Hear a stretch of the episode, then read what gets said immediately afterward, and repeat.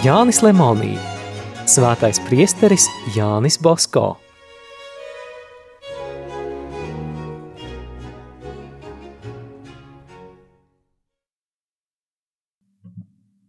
Trešā nodaļa – Svētdienas oratorija plaukst no 1846.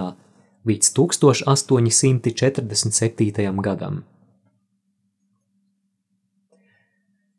Pinardžo kungs bija noteikti apsolījis kapelu līdz nākošajai svētdienai sakārtot. Cilvēks strādāja un nedēļā padarīja vairāk nekā būtu paveicis mēneša laikā.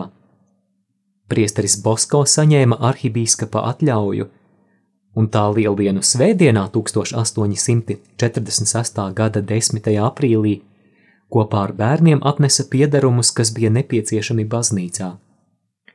Zēni trauktin traucās palīdzēt, bet divas kundzes pārklāja mazo koku altārīti ar skaistu segu.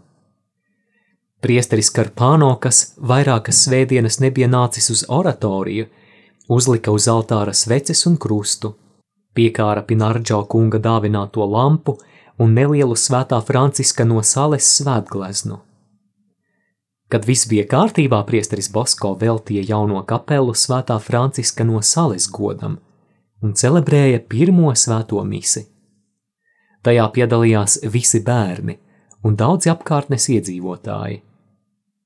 Turīnas arhibīskaps parādīdams priesterim Bosko sevišķu labvēlību un viņa darbu atzīdams, vienkāršajai kapelai piešķīra draudzes baznīcas tiesības.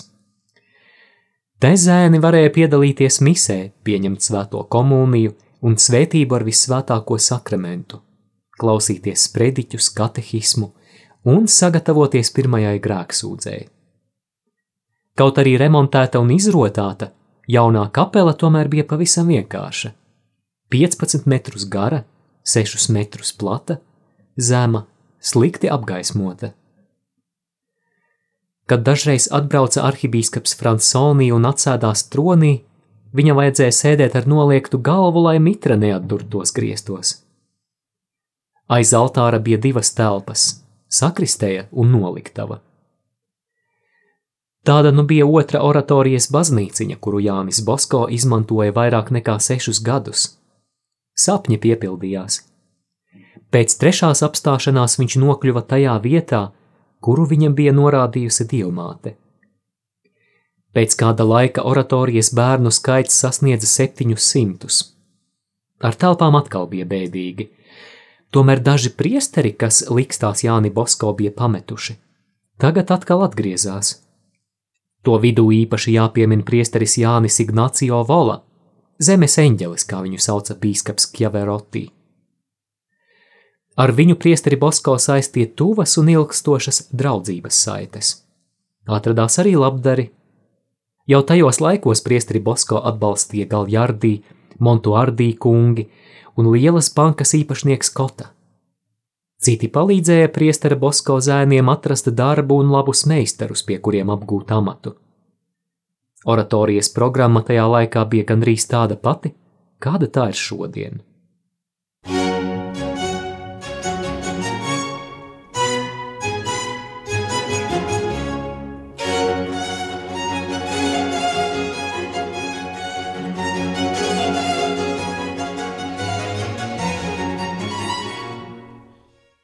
Svētku dienās kapela bija atvērta jau agri no rīta. Zēni stājās rindā, lai sūdzētu grēkus. Priesteris Bosko sēdēja bikts krēslā līdz svētajai misei. Misi celebrēja astoņos, bet tā kā penitentu bija daudz, misi vajadzēja nozīmēt veselu stundu vēlāk, jo priesteris Bosko no rītiem baznīcā bija viens. Citi viņa palīgi atnāca tikai pēcpusdienā. Rītos tiem bija jāupurē mises citās pilsētas baznīcās.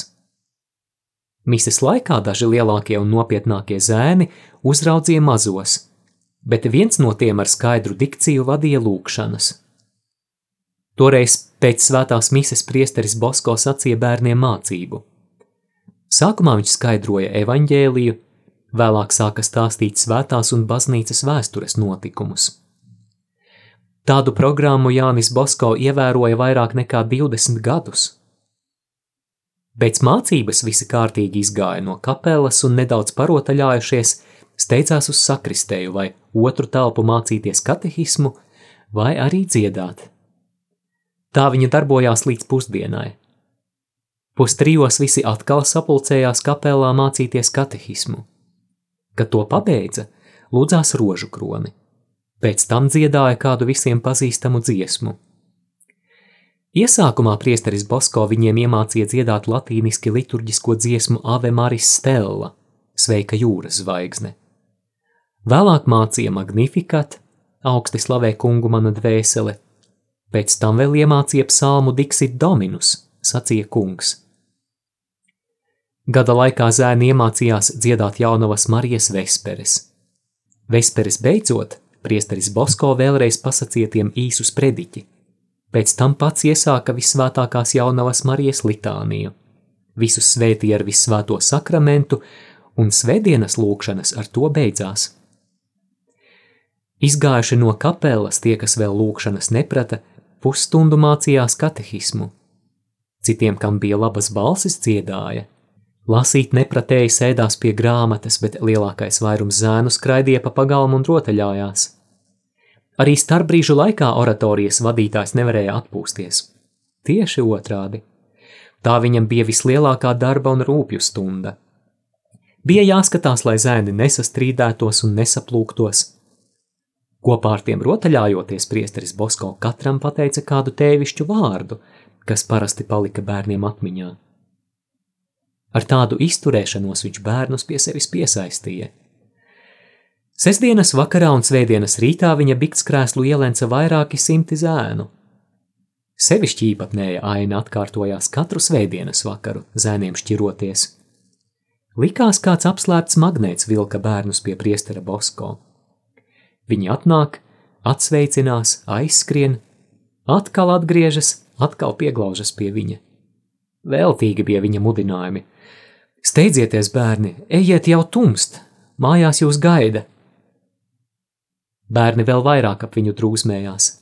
Reizēm visi sapulcējās pagalmā, lielākie sadodoties rokā izveidoja sēdekli. Citi ar varu tur uzsēdināja priesteri Bosko, mazākie gāja pa priekšu, Lielākie aizmugurē un tā dziedādami viņi aiznesa Jāni Bosko līdz Valdoko apaļajam dārziņam, ko sauca par Rando. Priesteris Bosko nokāpa no troņa un uzsāka: Esam dieva mātes dēli, tā mums saka upes klāni, tā mums saka mīļi laipni, viss, kas radīts skandēt skandē, esam dieva mātes dēli. Bērni apklusa. Priesteris Bosko uzsauca: Labu atpūtu, labu nedēļu! Visi vienā balsītī atsaucās: Buone noto, viva Don Bosko! Labu nakti, lai dzīvo priesteris Bosko! Paši lielākie vēl brītiņu pakavējās pie priestera Bosko un viņu pavadīja līdz pašām mājām. Viņš bija tik noguris, ka ļoti bieži nevarēja pat vakariņas paēst.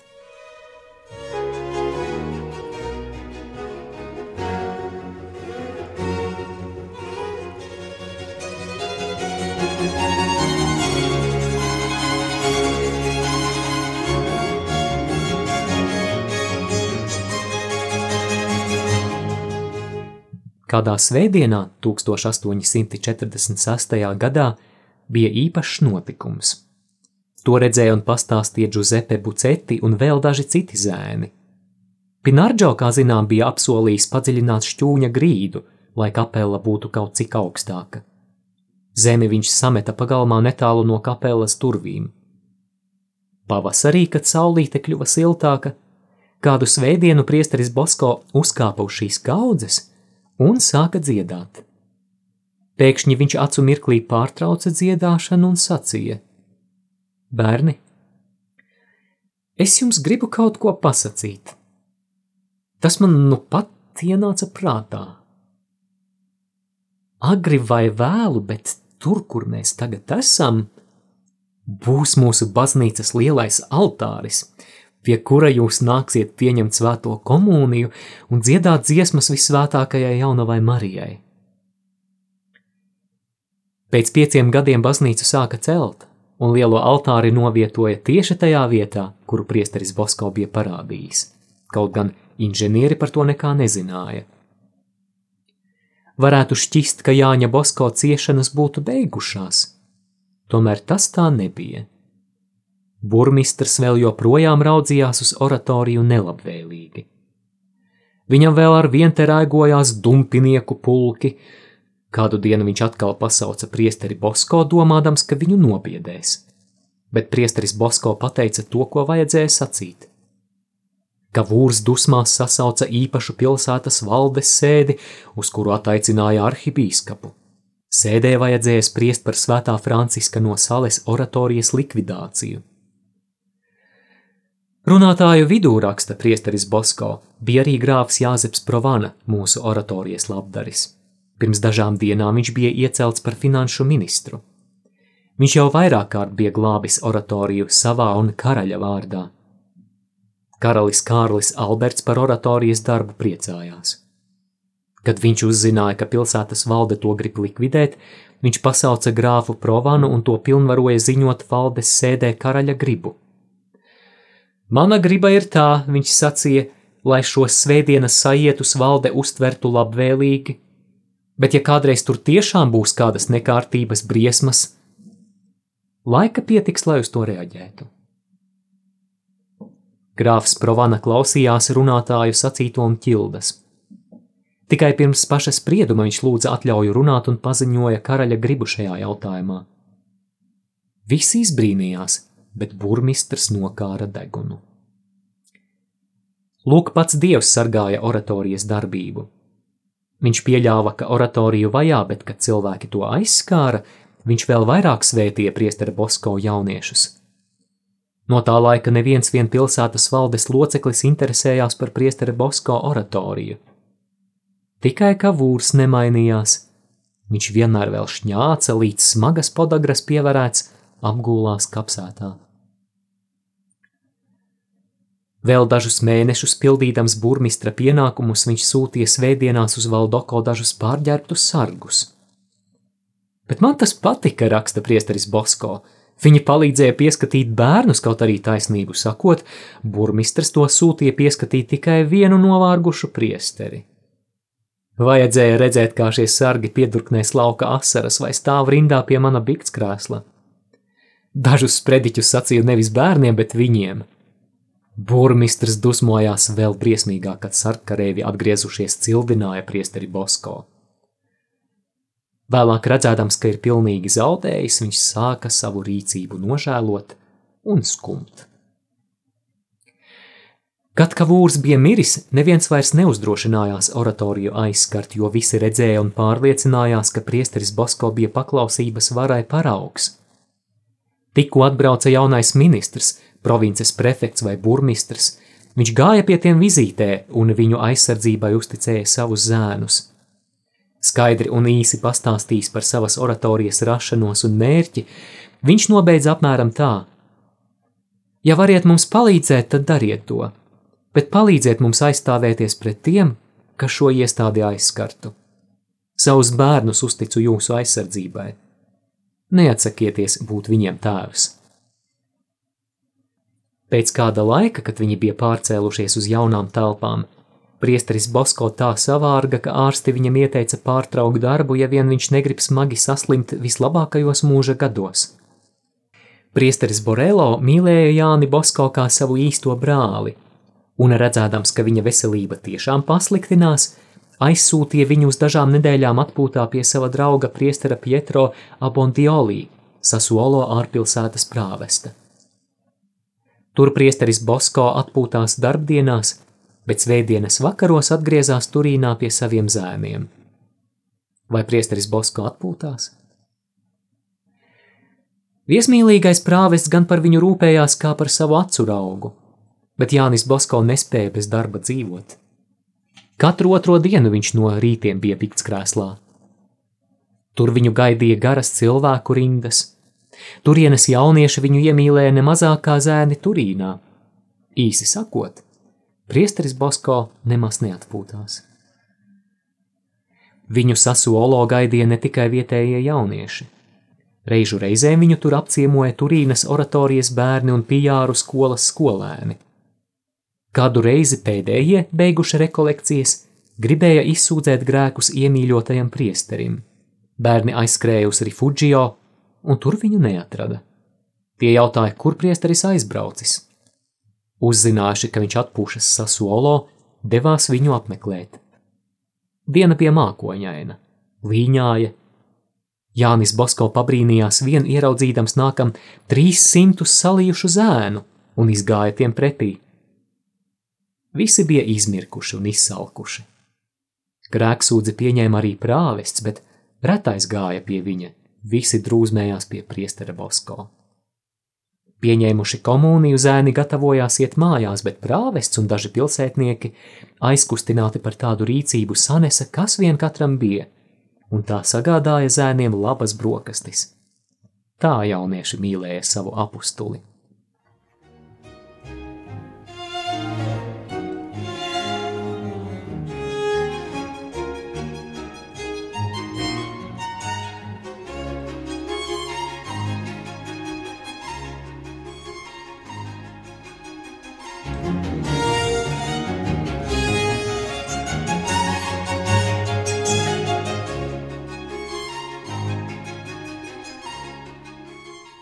Sastajā maijā no Romas atgriezās Marķīze Barolo.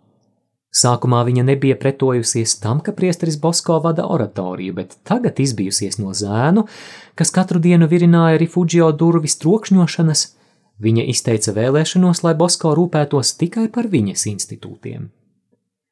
Lūk, viņa bija visas savas cerības saistījusi ar savām patversmēm un nesaprata priesteri Bosko, tāpat kā nebija agrāk sapratusi kanoniķi Kotoleņo.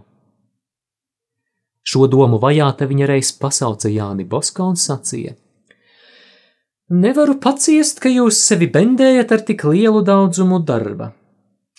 Blakus darbi ir kaitīgi jūsu veselībai un maniem institūtiem. Bez tam runas, kuras es esmu par jums dzirdējusi, man izspiež jums kaut ko sacīt. Ko tad, Marķīzes kundze? Vai nu atstājiet oratoriju, vai arī manu patversmi. Padomājiet un pēc tam pasakiet savu lēmumu. Man atbilde jau sen ir gatava, varu to tūlīt jums pasakīt. Jūsu ietekme Marķīzes kundze ir liela, un jums ir nauda. Jums priesteru patversmē netrūks. To būs tik, cik vien gribēsiet. Maniem novārtā pamestajiem mazajiem ir citādi. Es viņus nevaru atstāt. Ja to izdarīšu, zudīs vairāku gadu darbs, grūts darbs. Tādēļ no šī brīža es labprāt palīdzēšu, kā varēšu jūsu patversmē, bet no pastāvīgas vietas atsakos, lai varētu pilnīgi veltīties savai oratorijai. Tas nozīmē, ka jūs klaidoņus vairāk mīlat nekā manus institūtus? Marķīze iesaucās. Ja tā, tad jūs esat atbrīvots no visiem pienākumiem jau ar šo brīdi. Šodien pat jūsu vietā aicināšu citu kapelānu. Jānis Bosko sacīja, ka tāda pēkšņa atlaišana nāks tikai pašai marķīzē par ļaunu. Kaut cik nomierinājusies viņa deva priesterim trīs mēnešus laika apdomāties, bet reižu reizēm centās viņu atrunāt no oratorijas, kas viņai likās bezjēdzīga. Tas, protams, bija veltīgi. Sevišķi sāpīgi viņai bija tas, ka priesterim Bosko aizejot, sabruks viņas nodoms dibināt īpašu priesteru kongregāciju viņas institūtu garīgai atbalstīšanai. Priesteri Bosko viņa bija izraudzījusi par šīs kongregācijas priekšnieku. No šī notikuma varētu secināt, ka Marķīze Barolo bija ļoti augstprātīga un netaisna. Sirds dziļumos viņa tomēr bija pazemīga. Ja tik priesteris Bosko kādas vajadzības dēļ parādījās viņas pilī, nekad viņa to nelaida projām, nelūgusi svētību, kuru saņēma ceļos nometusies.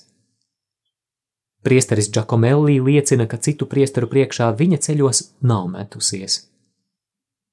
Priesteris Bosko Mārķīzē bija skaidri pateicis, pēc trim mēnešiem aiziešu no Refugio. Bet kur atrast citu dzīvokli un līdzekļus iesāktajiem darbiem? Kad viņš bija noīrējis Pinarģo pajumti, tūliņ viņš domāja, kā lai atbrīvojas no sliktajiem kaimiņiem, kas dzīvoja līdzās oratorijas kapelai. Viņš uzsāka sarunas ar Soāvī, kurš izīrēja namu. Tikko izbeidzās kāda iedzīvotāja īres līgums, Bosko tūliņ pārņēma tukšās istabas. Viņam rūpēja šo lapseņu spietu no oratorijai nolemtās vietas aizdzīt. Tomēr no iegūtajām istabām viņš saņēma tikai atslēgas, bet pats tur dzīvot nepārcēlās, lai neizplatītos baumas. Viņš gribēja iegūt savā pārziņā visu namu. Izskanēja lasījums no Jāņa Lemonī grāmatas Svētais priesteris Jānis Bosko.